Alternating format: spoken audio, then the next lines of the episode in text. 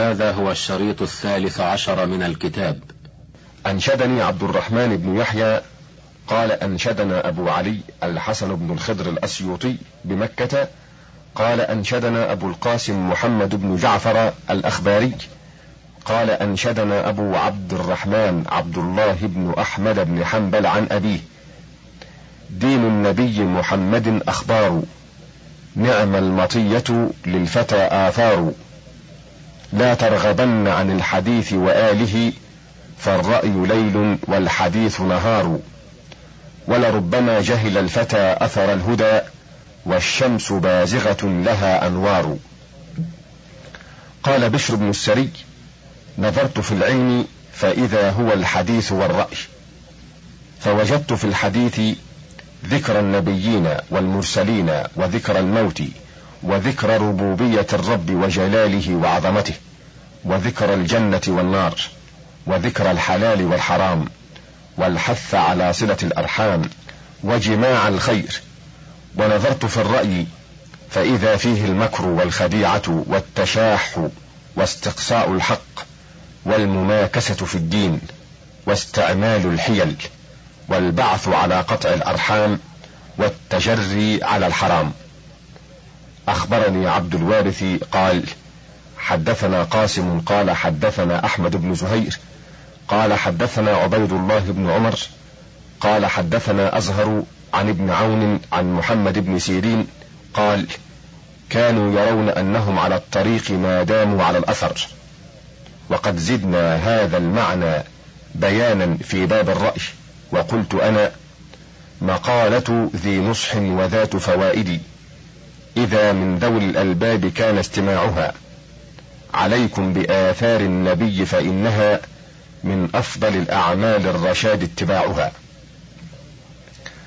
أخبرني عبد الله بن محمد بن يوسف قال حدثنا أحمد بن محمد بن إسماعيل قال حدثنا أبو بشر الدولابي قال حدثنا إسحاق بن سيار قال حدثنا عمرو بن عاصم قال حدثنا سلام أبو الهيثم قال سمعت أبا بكر الهذلي يقول قال لي الزهري يا هذلي يعجبك الحديث؟ قلت نعم قال أما إنه يعجب ذكور الرجال ويكرهه مؤنثوهم وذكر أبو جعفر الطبري في التاريخ الكبير أنه بلغه عن المبارك الطبري أنه سمع أبا عبيد الله الوزير يقول سمعت أبا جعفر المنصور يقول للمهدي يا أبا عبد الله لا تجلس وقتا إلا ومعك من أهل العلم من يحدثك.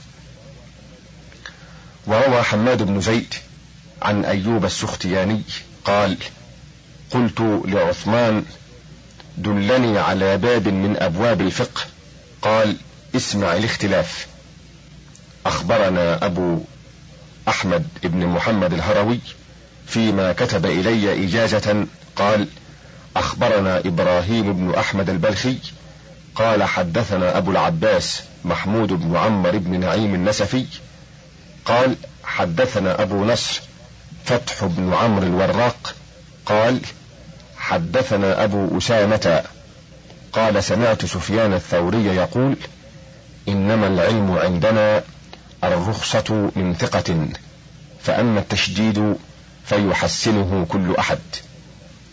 أخبرنا أبو عمر أحمد بن عبد الله بن محمد بن علي قال أخبرني أبي قال حدثنا محمد بن قاسم قال حدثنا محمد بن علي البجلي قال حدثنا يونس بن عبد الأعلى عن سفيان بن عيينة عن معمر قال إنما العلم أن تسمع بالرخصة من ثقة فأما التشديد فيحسنه كل أحد.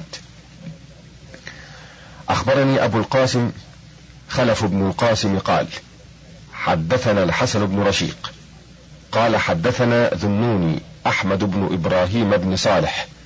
قال حدثنا عبد الباري بن إسحاق بن أخي ذنون عن عمه أبي الفيض ذنون بن إبراهيم أنه سمعه يقول من أعلام البشر بالدين معرفة الأصول لتسلم من البدع والخطأ والأخذ بالأوثق من الفروع احتياطا لتأمن.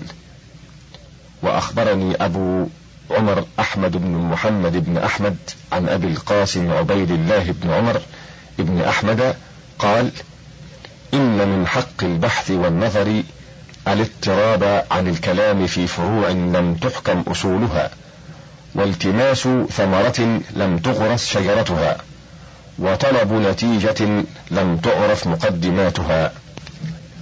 باب العبارة عن حدود علم الديانات وسائر العلوم المنتحلات عند جميع أهل المقالات. حد العلم عند العلماء المتكلمين في هذا المعنى هو ما استيقنته وتبينته وكل من استيقن شيئا وتبينه فقد علمه. وعلى هذا من لم يستيقن الشيء وقال به تقليدا فلم يعلمه والتقليد عند جماعة العلماء غير الاتباع لأن الاتباع هو أن تتبع القائل على ما بان لك من فضل قوله وصحة مذهبه. والتقليد أن تقول بقوله وأنت لا تعرفه. ولا وجه القول ولا معناه. وتأبى من سواه أو أن يتبين لك خطأه فتتبعه مهابة خلافه. وأنت قد بان لك فساد قوله وهذا محرم القول به في دين الله سبحانه. والعلم عند غير أهل اللسان العربي فيما ذكروا يجوز أن يترجم باللسان العربي ويترجم معرفة ويترجم فهما. والعلوم تنقسم قسمين ضروري ومكتسب. فحد الضروري ما لا يمكن العالم أن يشكك فيه نفسه ولا يدخل فيه على نفسه شبهة ويقع له العلم بذلك قبل الفكرة والنظر. ويدرك ذلك من جهة الحس والعقل كالعلم باستحالة كون الشيء متحركا ساكنا أو قائما قاعدا أو مريضا صحيحا في حال واحدة. ومن الضروري أيضا وجه آخر يحصل بسبب من جهة الحواس الخمس كذوق الشيء يعلم به المرارة والحلاوة ضرورة إذا سلمت الجارحة من آفة وكرؤية الشيء يعلم بها الألوان والأجسام وكذلك السمع يدرك به الأصوات. ومن الضروري أيضا علم الناس أن في الدنيا مكة والهند ومصر والصين وبلدانا عرفوها وأمما قد خلت. وأما العلم المكتسب فهو ما كان طريقه الاستدلال والنظر. ومنه الخفي والجلي. فما قرب من العلوم الضرورية كان أجلى وما بعد عنها كان أخفى.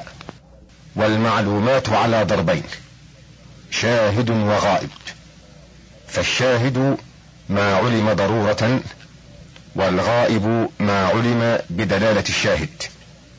والعلوم عند جميع أهل الديانات ثلاثة علم أعلى وعلم أسفل وعلم أوسط. فالعلم الأعلى عندهم علم الدين الذي لا يجوز لأحد الكلام فيه بغير ما أوله الله في كتبه وعلى ألسنة أنبيائه صلوات الله عليهم نصا والعلم الأوسط هو معرفة علوم الدنيا التي يكون معرفة الشيء منها بمعرفة نظيره ويستدل عليه بجنسه ونوعه. كعلم الطب والهندسة. والعلم الأسفل هو أحكام الصناعات وضروب الأعمال مثل السباحة والفروسة والزي والخط وما أشبه ذلك من الأعمال التي هي أكثر من أن يجمعها كتاب أو يأتي عليها وصف وإنما تحصل بتدريب الجوارح فيها.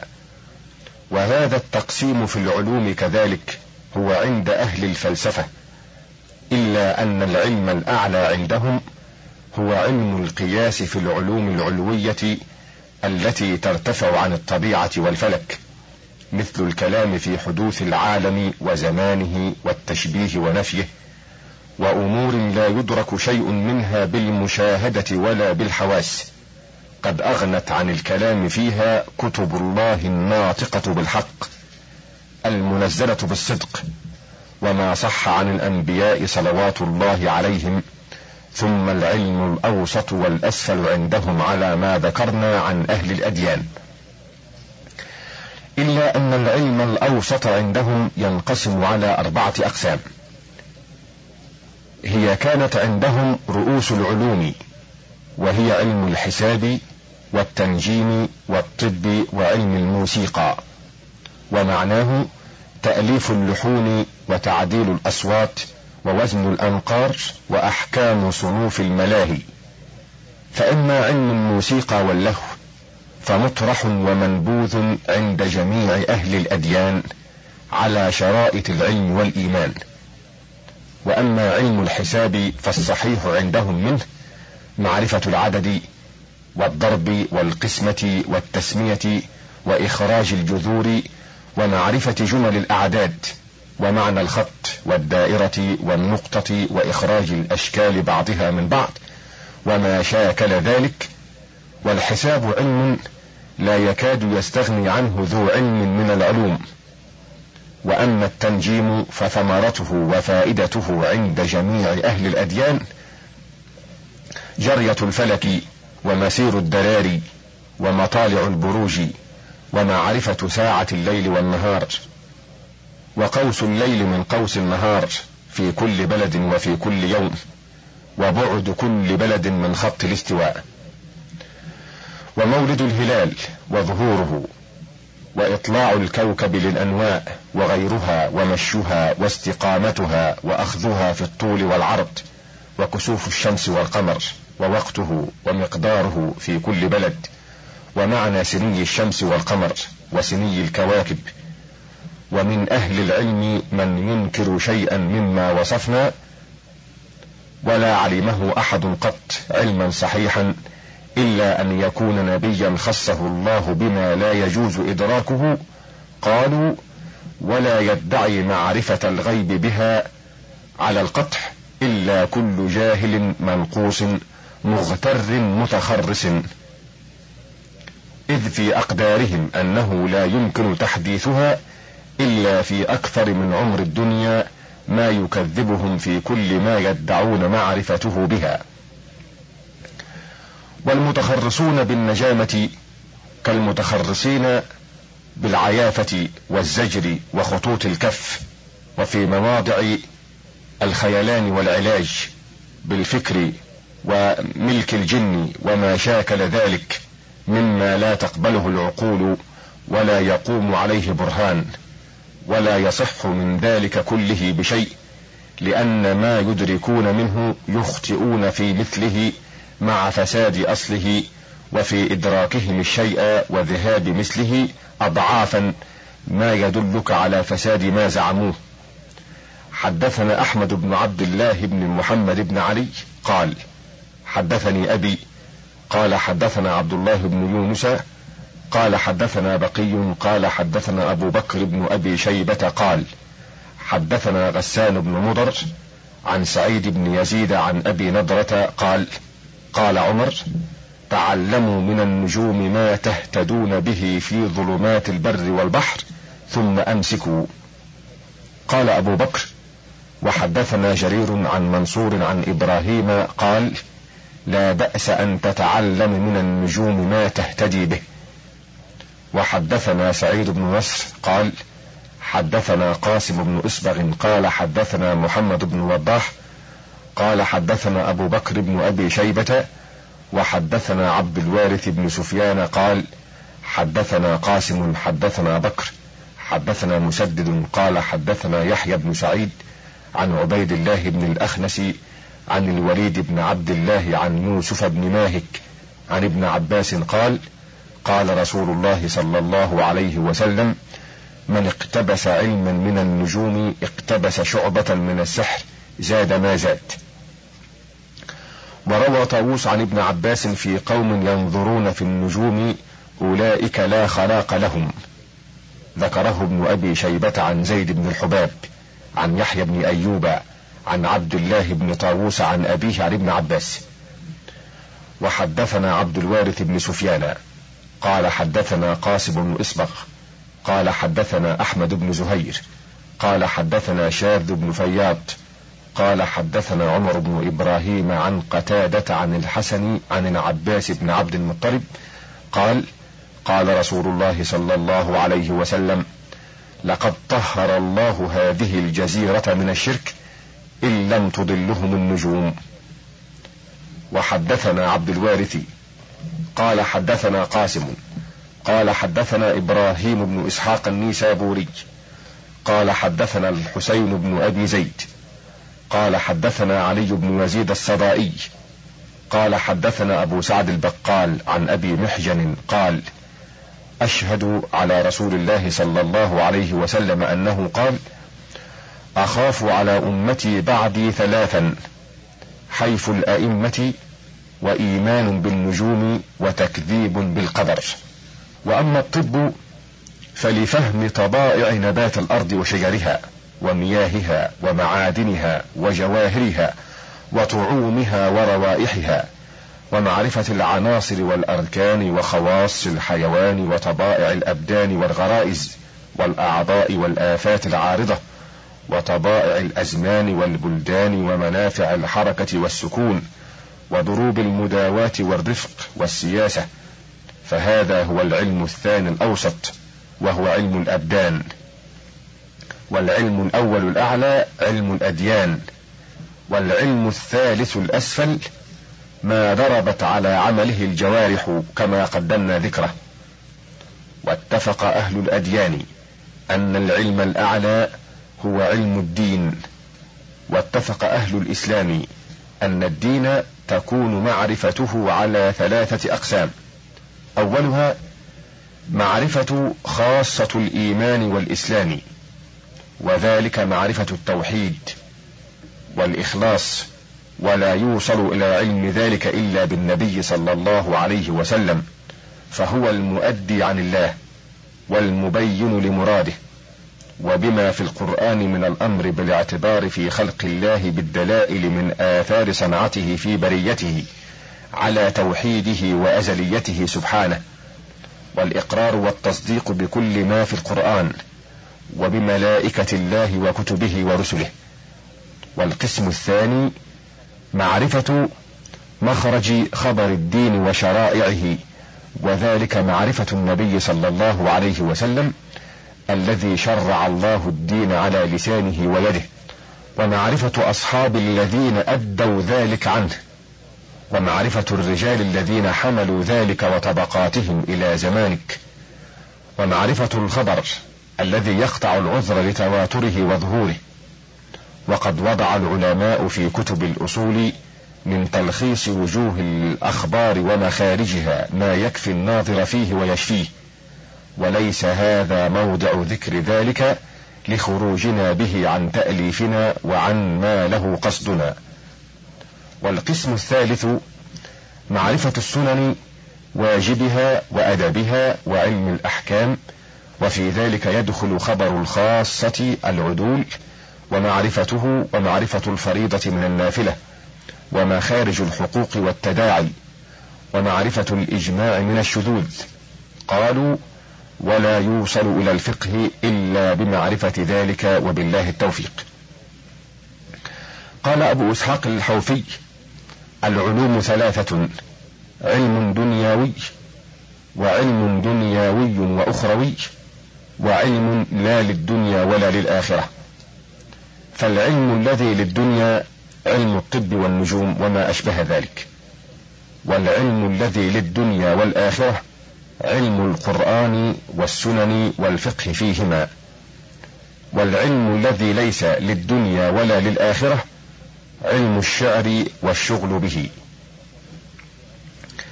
باب مختصر في مطالعة كتب أهل الكتاب والرواية عنهم. حدثنا عبد الوارث بن سفيان قال حدثنا قاسم بن إسبق قال حدثنا أحمد بن زهير قال حدثنا ابن الأصبهاني قال حدثنا ابن نمير عن الأوزاعي عن حسان بن عطية عن أبي كبشة عن عبد الله بن عمرو قال قال رسول الله صلى الله عليه وسلم بلغوا عني ولو آية وحدثوا عن بني إسرائيل ولا حرج. أخبرنا أحمد بن عبد الله بن حكم حدثنا محمد بن معاوية حدثنا أبو خليفة الفضل بن حباب. حدثنا محمد بن كثير حدثنا سفيان عن الأعمش عن عمارة بن عمير قال قال عبد الله بن مسعود لا تسألوا أهل الكتاب عن شيء فإنهم لن يهدوكم وقد ضلوا. إن تكذبوا بالحق أو تصدقوا بباطل. قرأت على محمد بن إبراهيم أن أحمد بن مطرف حدثهم قال حدثنا سعيد بن عثمان وسعيد بن حمير قال حدثنا يونس بن عبد الأعلى قال حدثنا سفيان بن عيينة عن عمرو بن يحيى بن جعدة قال أتى النبي صلى الله عليه وسلم بكتاب في كتف فقال كفى بقوم حمقا أو ضلالة أن يرغبوا عما جاءهم به نبيهم إلى نبي غير نبيهم أو كتاب غير كتابهم فأنزل الله عز وجل أولم يكفهم أنا أنزلنا عليك الكتاب يتلى عليهم الآية؟ ورواه الفريابي وابن وهب وأبو الطاهر عن سفيان عن عمرو بن دينار عن يحيى بن جعدة عن النبي صلى الله عليه وسلم مثله سواء. وحدثنا عبد الوارث بن سفيان قال حدثنا قاسم بن إسبغ قال حدثنا المطلب بن شعيب. قال حدثنا عبد الله بن صالح قال حدثني الليث. قال حدثني عقيل عن ابن شهاب. قال أخبرني ابن أبي نملة أن أبا نملة الأنصاري أخبره أنه بين هو جالس عند رسول الله صلى الله عليه وسلم جاءه رجل من اليهود. فقال يا محمد هل تتكلم هذه الجنازة؟ فقال رسول الله صلى الله عليه وسلم الله أعلم. فقال اليهودي أنا أشهد أنها تتكلم. فقال رسول الله صلى الله عليه وسلم ما حدثكم أهل الكتاب فلا تصدقوهم ولا تكذبوهم وقولوا آمنا بالله وكتبه ورسله فإن كان حقا لم تكذبوهم وإن كان باطلا لم تصدقوهم. وحدثنا عبد الوارث حدثنا قاسم حدثنا أحمد بن ذهير حدثنا أبي حدثنا عثمان بن عمر حدثنا يونس بن يزيد عن الزهري عن أبي نملة أن أباه أخبره أنه كان عند النبي صلى الله عليه وسلم فذكر نحوه ورواه عبد الرزاق. قال أخبرنا معمر عن الزهري قال أخبرني ابن أبي نملة الأنصاري أن أبا نملة أخبره أنه كان عند النبي صلى الله عليه وسلم فذكر نحوه. ورواه عبد الرزاق قال حدثنا معمر عن الزهري قال أخبرني ابن أبي نملة الأنصاري أن أبا نملة أخبره بين هو جالس فذكر مثل حديث عقيل سواء إلى آخره إلا أنه قال فإن كان باطلا لم تصدقوه وإن كان حقا لم تكذبوه. وأخبرنا معمر عن الزهري عن عبيد الله بن عبد الله أن ابن عباس قال كيف تسألونهم عن شيء وكتاب الله بين أظهركم؟ قال وأخبرني الثوري عن سعيد بن إبراهيم عن عطاء بن يسار قال كانت يهود يحدثون أصحاب النبي صلى الله عليه وسلم فيسبحون كانهم يتعجبون.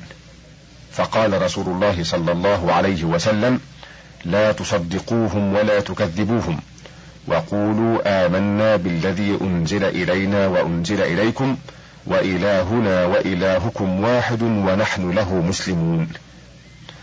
وذكره ابن أبي شيبة عن ابن مهدي عن سفيان الثوري عن سعد بن إبراهيم عن عطاء بن يسار مثله. قال عبد الرزاق وأخبرنا الثوري عن الأعمش عن عمارة عن حريث بن زهير قال قال عبد الله لا تسألوا أهل الكتاب عن شيء فإنهم لن يهدوكم وقد أضلوا أنفسهم فتكذبون بحق وتصدقون بباطل. قال وزاد معا عن القاسم بن عبد الرحمن عن عبد الله في هذا الحديث أنه قال إن كنتم سائليهم لا محالة فانظروا ما واطأ كتاب الله فخذوه وما خالف كتاب الله فدعوه.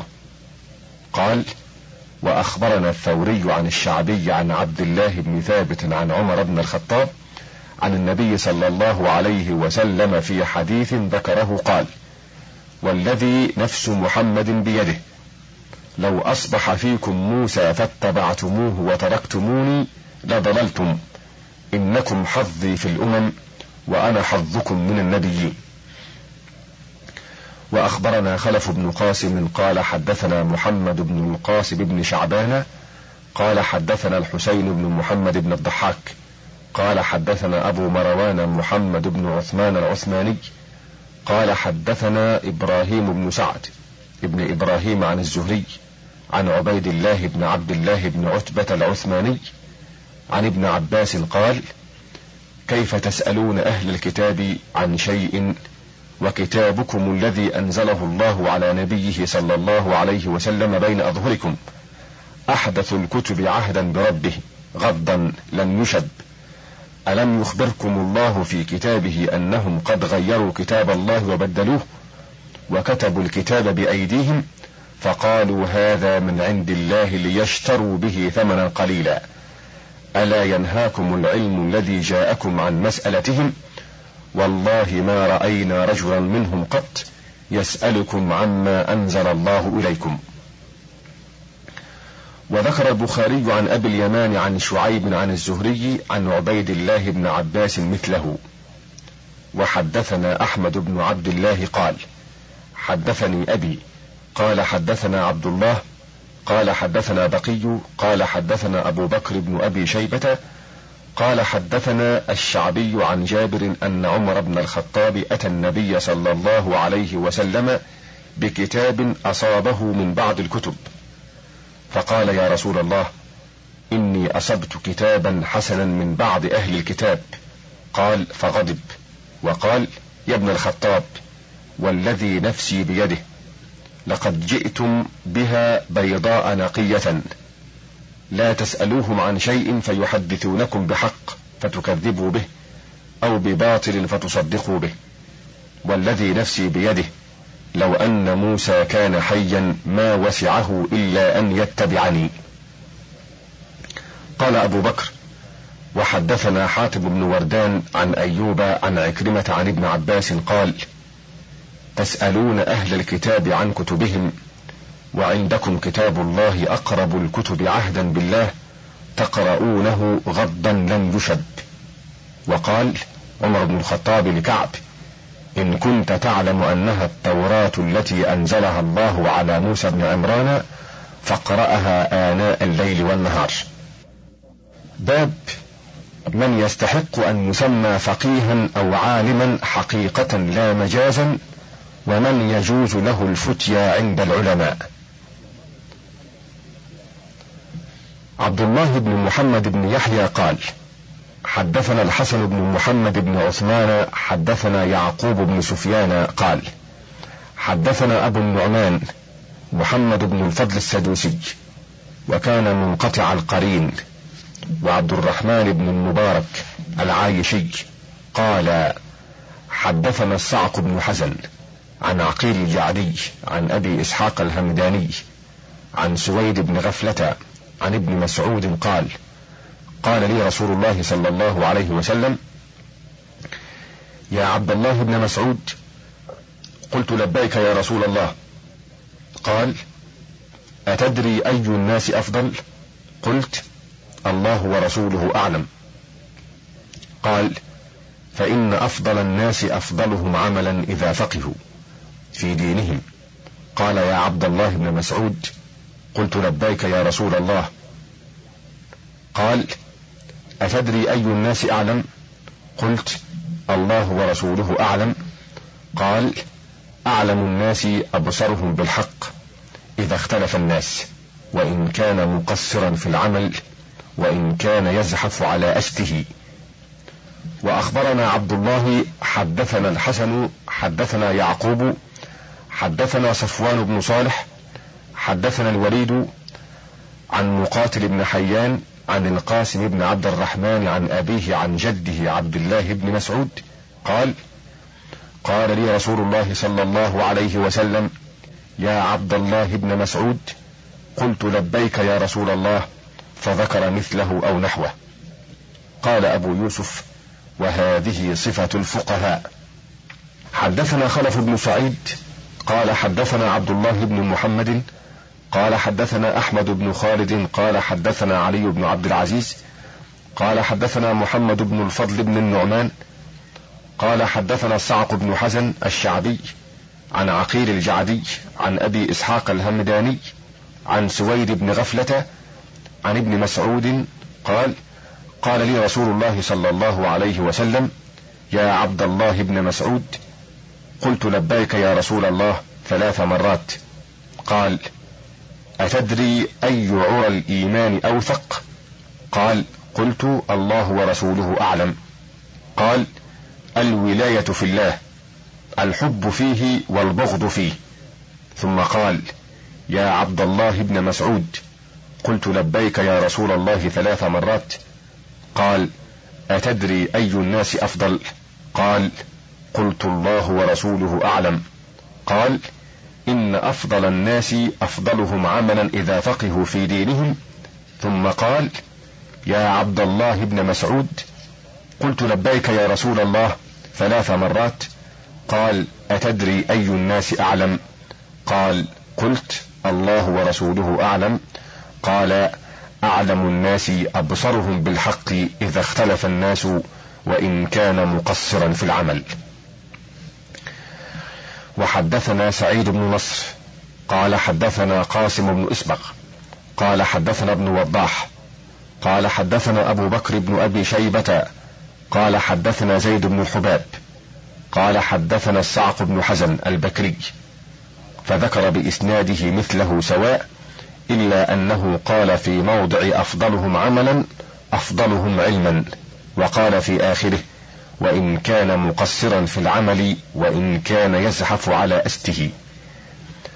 حدثنا عبد الوارث قال حدثنا قاسم بن اسبغ قال حدثنا أحمد بن زهير قال حدثنا الحوطي يعني عبد الوهاب بن نجدة قال حدثنا إسماعيل بن عياش قال حدثنا الحجاج بن مهاجر الخولاني عن أبي مرحوم المليكي قال سمعت أم الدرداء تقول أفضل العلم المعرفة.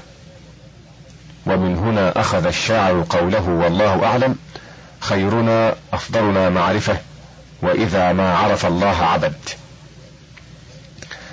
حدثنا عبد الوارث بن سفيان حدثنا قاسم بن أسبق حدثنا أحمد بن زهير حدثنا الوليد بن شجاع قال حدثني عبد الرحمن بن عمرو والأوزاعي عن حسان بن عطية قال ما ازداد عبد بالله علما إلا ازداد الناس معه قربا.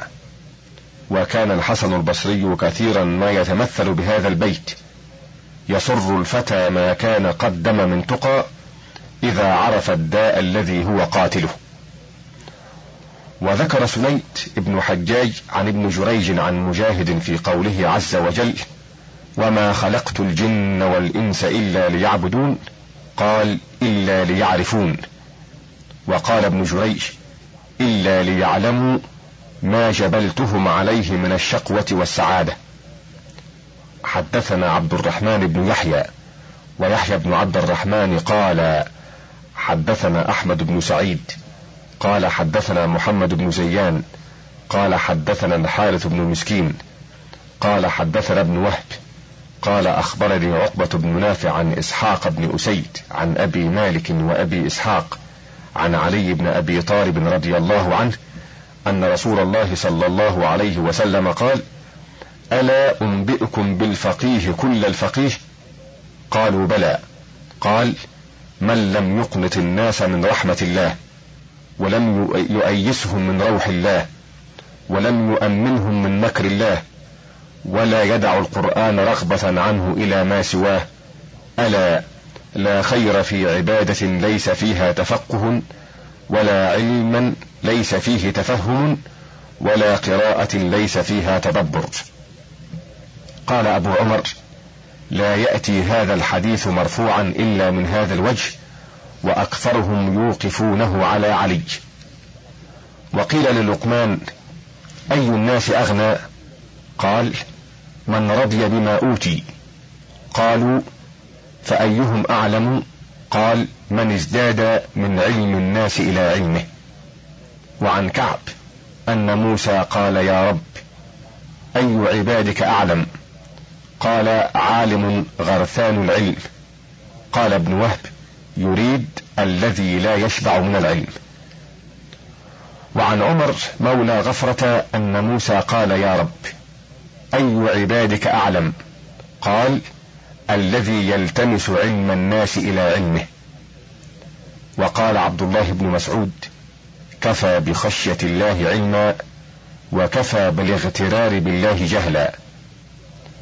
حدثنا خلف بن القاسم قال أخبرنا أبو محمد سعيد بن أحمد بن جعفر بن أحمد بن سعيد الفهري قال حدثنا عبد الله بن أبي مريم قال حدثنا عمرو بن أبي سلمة التنيسي قال حدثنا إبراهيم بن أبي بكر عن إبان بن أبي عياش عن أبي قلابة عن شداد بن أوس عن النبي صلى الله عليه وسلم قال لا يفقه العبد كل الفقه حتى يمقت الناس في ذات الله ولا يفقه العبد كل الفقه حتى يرى للقرآن وجوها كثيرة. قال أبو عمر صدقة ابن عبد الله هذا يعرف بالسمين هو ضعيف عندهم مجمع على ضعفه وهذا حديث لا يصح مرفوعا وإنما الصحيح فيه إنما هو من قول أبي الدرداء. حدثنا محمد بن رشيق قال حدثنا الحسن بن علي قال حدثنا محمد بن زيان قال حدثنا سلمة بن شبيب قال أخبرنا عبد الرزاق قال أخبرنا معمر عن أيوب عن أبي قلابة عن أبي الدرداء قال لن تفقه كل الفقه حتى ترى للقرآن وجوها كثيرة ولن تفقه كل الفقه حتى تمقت الناس في ذات الله ثم تقبل على نفسك فتكون لها أشد مقتا منك من الناس. أخبرنا عبد الرحمن بن يحيى. قال حدثنا أحمد بن سعيد. قال حدثنا ابن الأعرابي. قال حدثنا أبو داود. قال حدثنا موسى بن إسماعيل. قال حدثنا وهيب. قال حدثنا أيوب عن أبي قلابة عن أبي الدرداء. قال لن تفقه كل الفقه حتى ترى للقرآن وجوها كثيرة. قال أبو داود حدثنا محمد بن عبيد بن حماد بن زيد. قال قلت لأيوب أرأيت قوله حتى ترى للقرآن وجوها كثيرة؟ فسكت يتفكر. قلت هو أن يرى له وجوها فهاب الإقدام عليه قال هو هذا هو هذا.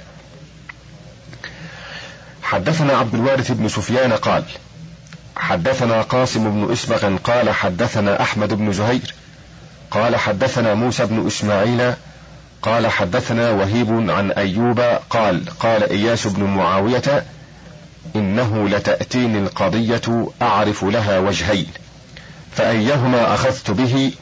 عرفت أني قضيت بالحق. حدثنا سعيد بن أسيد قال حدثنا عبد الله بن محمد قال حدثنا أحمد بن خالد قال حدثنا ابن وضاح قال حدثنا إبراهيم بن محمد الشافعي قال حدثنا أبو عصام رواد بن الجراح عن سعيد عن قتادة قال من لم يعرف الاختلاف لم يشم الفقه بأنفه. حدثنا عبد الرحمن بن يحيى وخلف بن أحمد قال حدثنا أحمد بن سعيد حدثنا إسحاق بن إبراهيم بن نعمان حدثنا محمد بن علي بن مروان قال سمعت عبيد الله بن عمر يقول سمعت يزيد بن زريح يقول سمعت سعيد بن أبي عروبة يقول من لم يسمع الاختلاف فلا تعدوه عالما.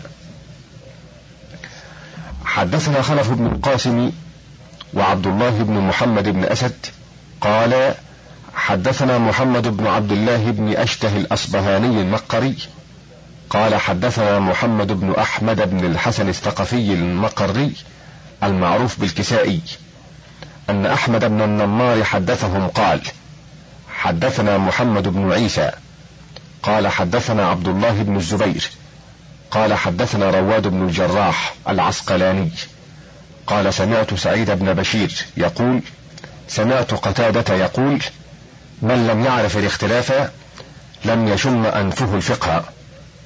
قال محمد بن عيسى وسمعت هشام بن عبيد الله الرازي يقول من لم يعرف اختلاف القراء فليس بقارئ ومن لم يعرف اختلاف الفقهاء فليس بفقيه وأخبرنا أحمد بن سعيد بن بشر قال حدثنا محمد بن أبي دليم قال حدثنا ابن وضاح قال حدثنا إبراهيم بن محمد بن يوسف الفريابي قال حدثنا حمزة بن ربيعة عن عثمان بن عطاء عن أبيه قال لا ينبغي لأحد أن يفتي الناس حتى يكون عالما باختلاف الناس فإنه إن لم يكن كذلك رد من العلم ما هو أوثق من الذي في يديه.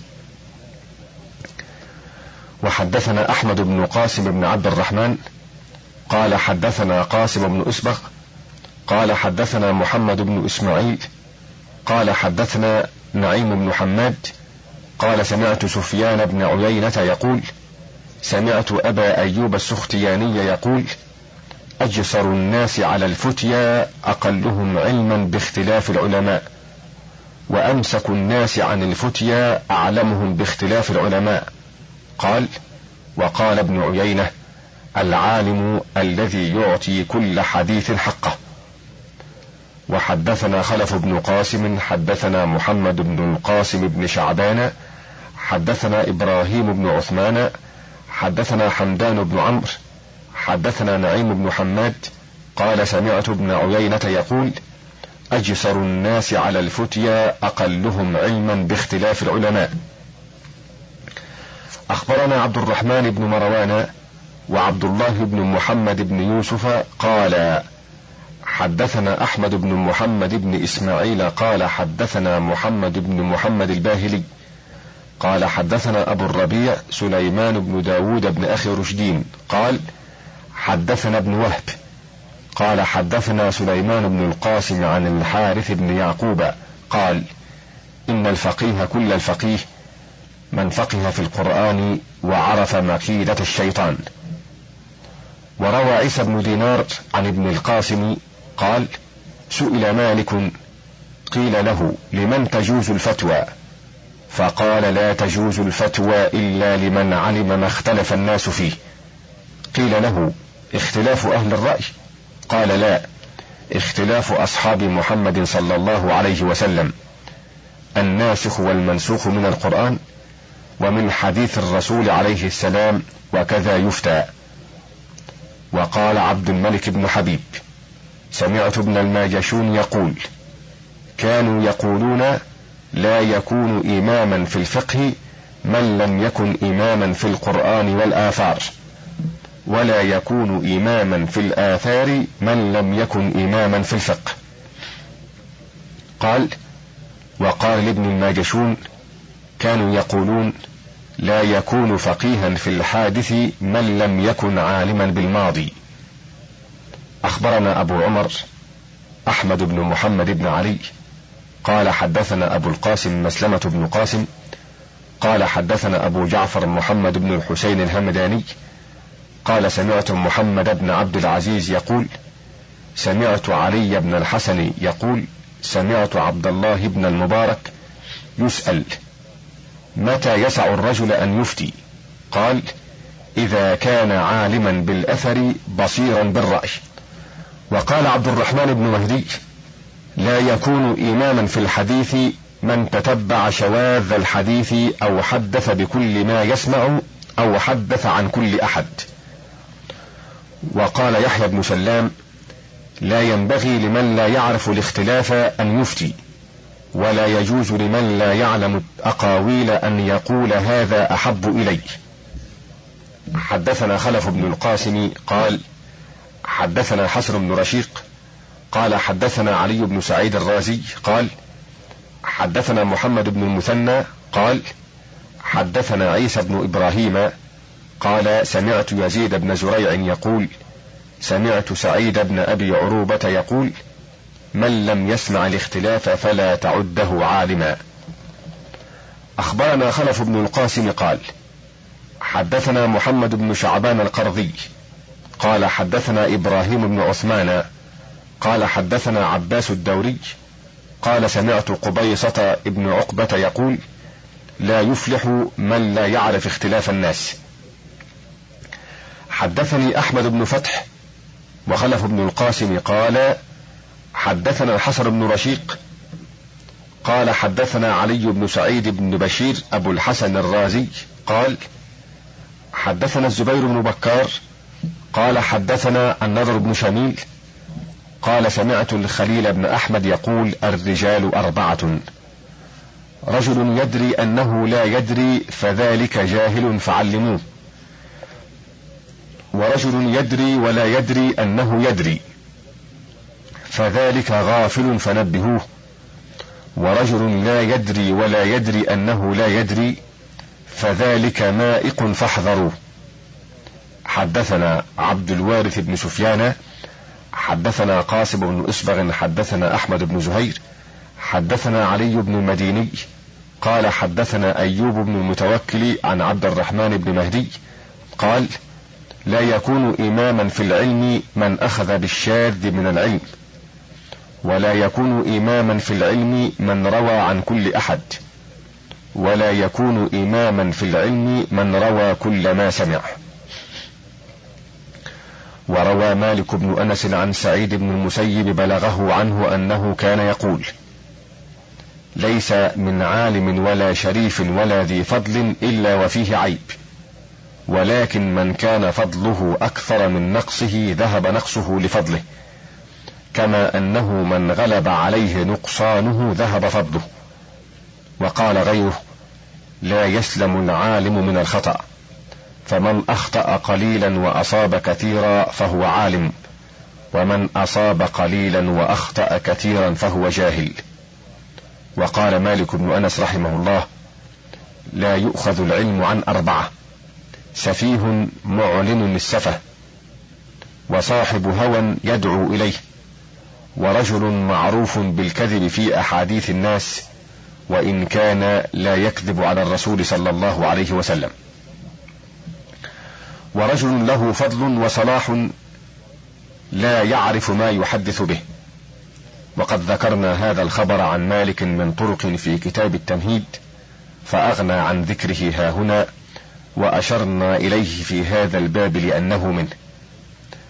حدثني عبد الرحمن بن يحيى حدثنا أحمد بن سعيد حدثنا أبو سعيد بن الأعرابي وأخبرنا سعيد بن نصر وسعيد بن عثمان قال أخبرنا أحمد بن دحي قال حدثنا أبو عيسى يوسف بن يعقوب بن مهران حدثنا عبد الوارث بن سفيان قال حدثنا قاسم بن إسبغ قال حدثنا علي بن الحسن قالوا حدثنا عباس الدوري قال حدثنا يحيى بن معين قالوا حدثنا الأبار عن سفيان عن أبي حيان التيمي قال العلماء ثلاثة. عالم بالله وبأمر الله وعالم بالله وليس بعالم بأمر الله وعالم بأمر الله وليس بعالم بالله. فأما العالم بالله وبأمره فذلك الخائف لله العالم بسنته وحدوده وفرائده. وأما العالم بالله وليس بعالم بأمر الله فذلك الخائف لله وليس بعالم بسنته ولا حدوده ولا فرائده. وأما العالم بأمر الله وليس بعالم بالله فذلك العالم بسنته وحدوده وفرائده وليس بخائف له. وأخبرت عن الحسن بن سعد قال أخبرني عبيد بن محمد الكشوري قال حدثنا ميمون بن الحكم قال حدثنا عبد الله بن إبراهيم بن عمر عن هشام يعني ابن يوسف عن ابن جريج عن عطاء في قوله إنما يخشى الله من عباده العلماء قال من خشي الله فهو عالم. وروي عن ابن مسعود أنه كان يقرأ إنما يخشى الله من عباده العلماء به وكذلك في مصحفه. أخبرنا علي بن إبراهيم قال أخبرنا الحسن بن رشيق قال حدثنا رجاء بن محمد بن سهيل قال حدثنا سلمة بن شبيب وأخبرنا خلف بن سعيد قال حدثنا عبد الله بن محمد قال أخبرنا أحمد بن خالد قال أخبرنا إسحاق بن إبراهيم قال أخبرنا عبد الرزاق قال أخبرنا معمر عن أيوب عن أبي قلابة قال العلماء ثلاثة رجل عاش بعلمه ولم يعش الناس معه به. أخبرنا عبد الله بن محمد بن يوسف قال حدثنا سهل بن إبراهيم قال أخبرنا محمد بن محمد بن فتيس قال حدثنا أحمد بن يحيى الصوفي قال حدثنا حسين بن علي الجعفي عن ليث عن مجاهد قال الفقيه من خاف الله.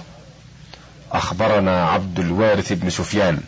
حدثنا قاسم بن أسبغ حدثنا أحمد بن زهير قال حدثنا أبو محمد التيمي صاحبنا قال حدثنا أبو مسهر عن سعيد بن عبد العزيز عن سليمان بن موسى قال يجلس إلى العالم ثلاثة رجل يأخذ كل ما سمع ورجل لا يحفظ شيئا وهو جليس العالم ورجل ينتقي وهو خيرهم.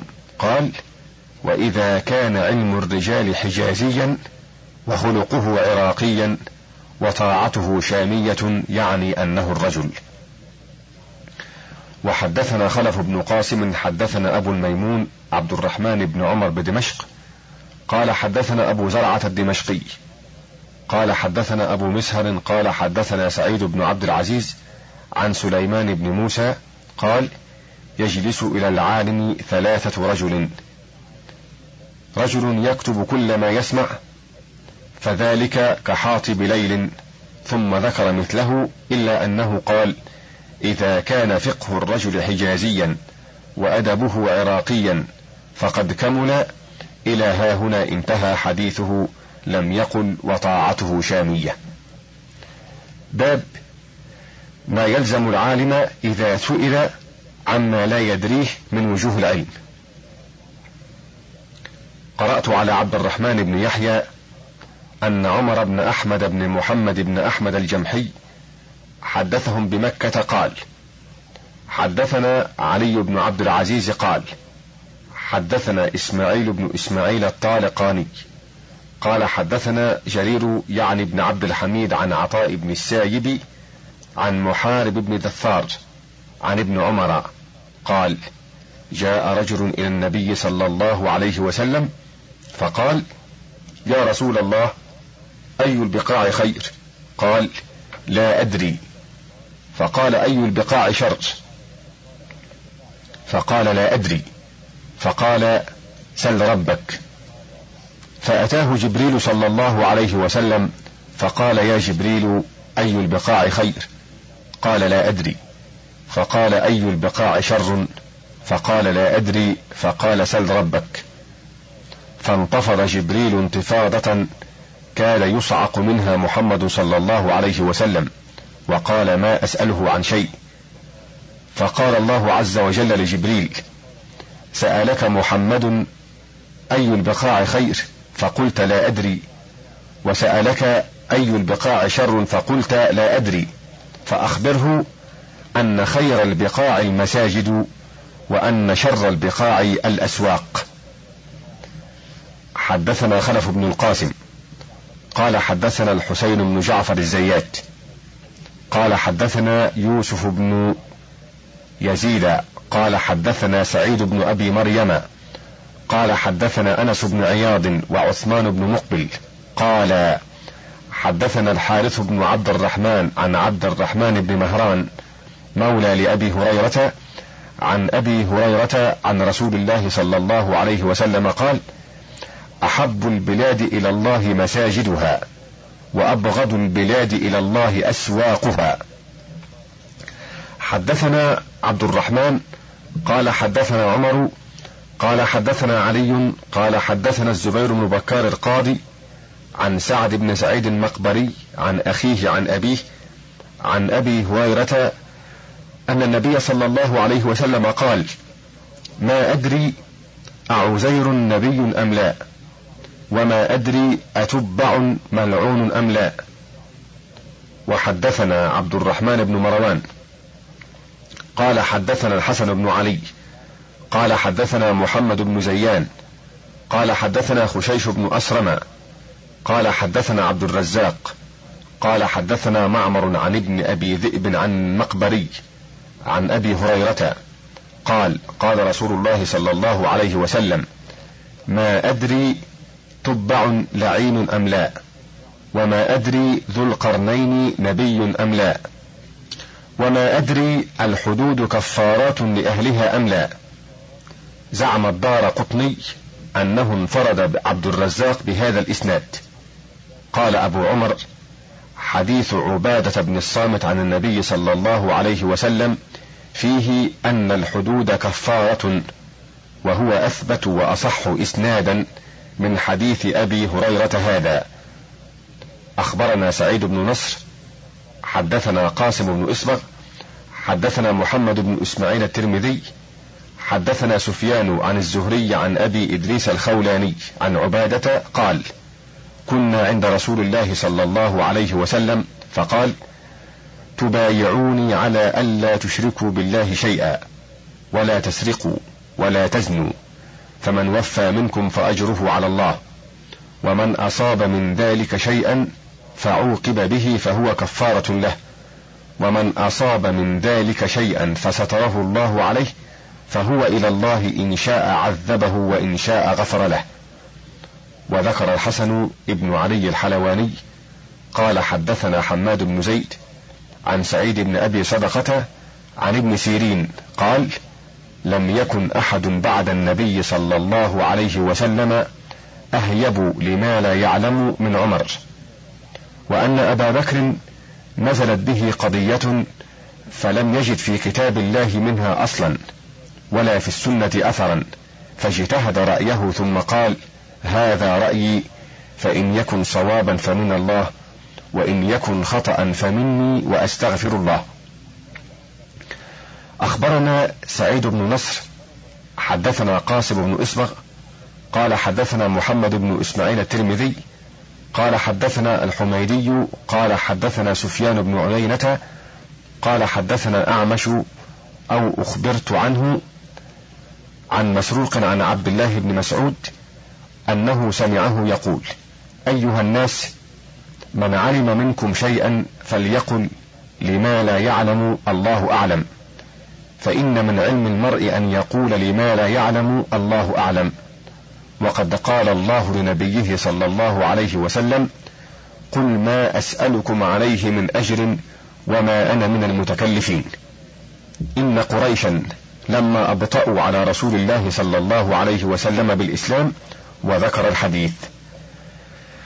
أخبرنا أحمد بن عبد الله قال حدثنا الحسن بن إسماعيل قال حدثنا عبد الملك بن بحر قال حدثنا محمد بن إسماعيل الصايغ قال حدثنا سنيد قال حدثنا وكيع عن الأعمش عن مسروق عن عبد الله قال أيها الناس من سئل عن علم يعلمه فليقل به ومن لم يكن عنده علم فليقل الله أعلم فإن من العلم أن يقول لما لا يعلم الله أعلم.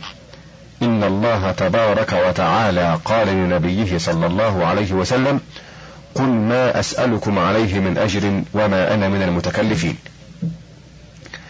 حدثنا عبد الوارث قال حدثنا قاسم قال حدثنا إسماعيل بن إسحاق القاضي قال حدثنا محمد بن كثير قال حدثنا سفيان بن سعيد عن الأعمش ومنصور عن أبي الضحى عن مسروق عن ابن مسعود قال إن من العلم أن تقول لما لا تعلم الله أعلم. قال الله تبارك وتعالى لنبيه صلى الله عليه وسلم قل ما أسألكم عليه من أجر وما أنا من المتكلفين. وأخبرنا محمد بن إبراهيم ومحمد بن عبد الله قال حدثنا محمد بن معاوية قال حدثنا الفضل بن الحباب القاضي قال حدثنا محمد بن كثير وذكر بإسناده مثله. انتهى الوجه الثاني وللكتاب بقية على الشريط التالي.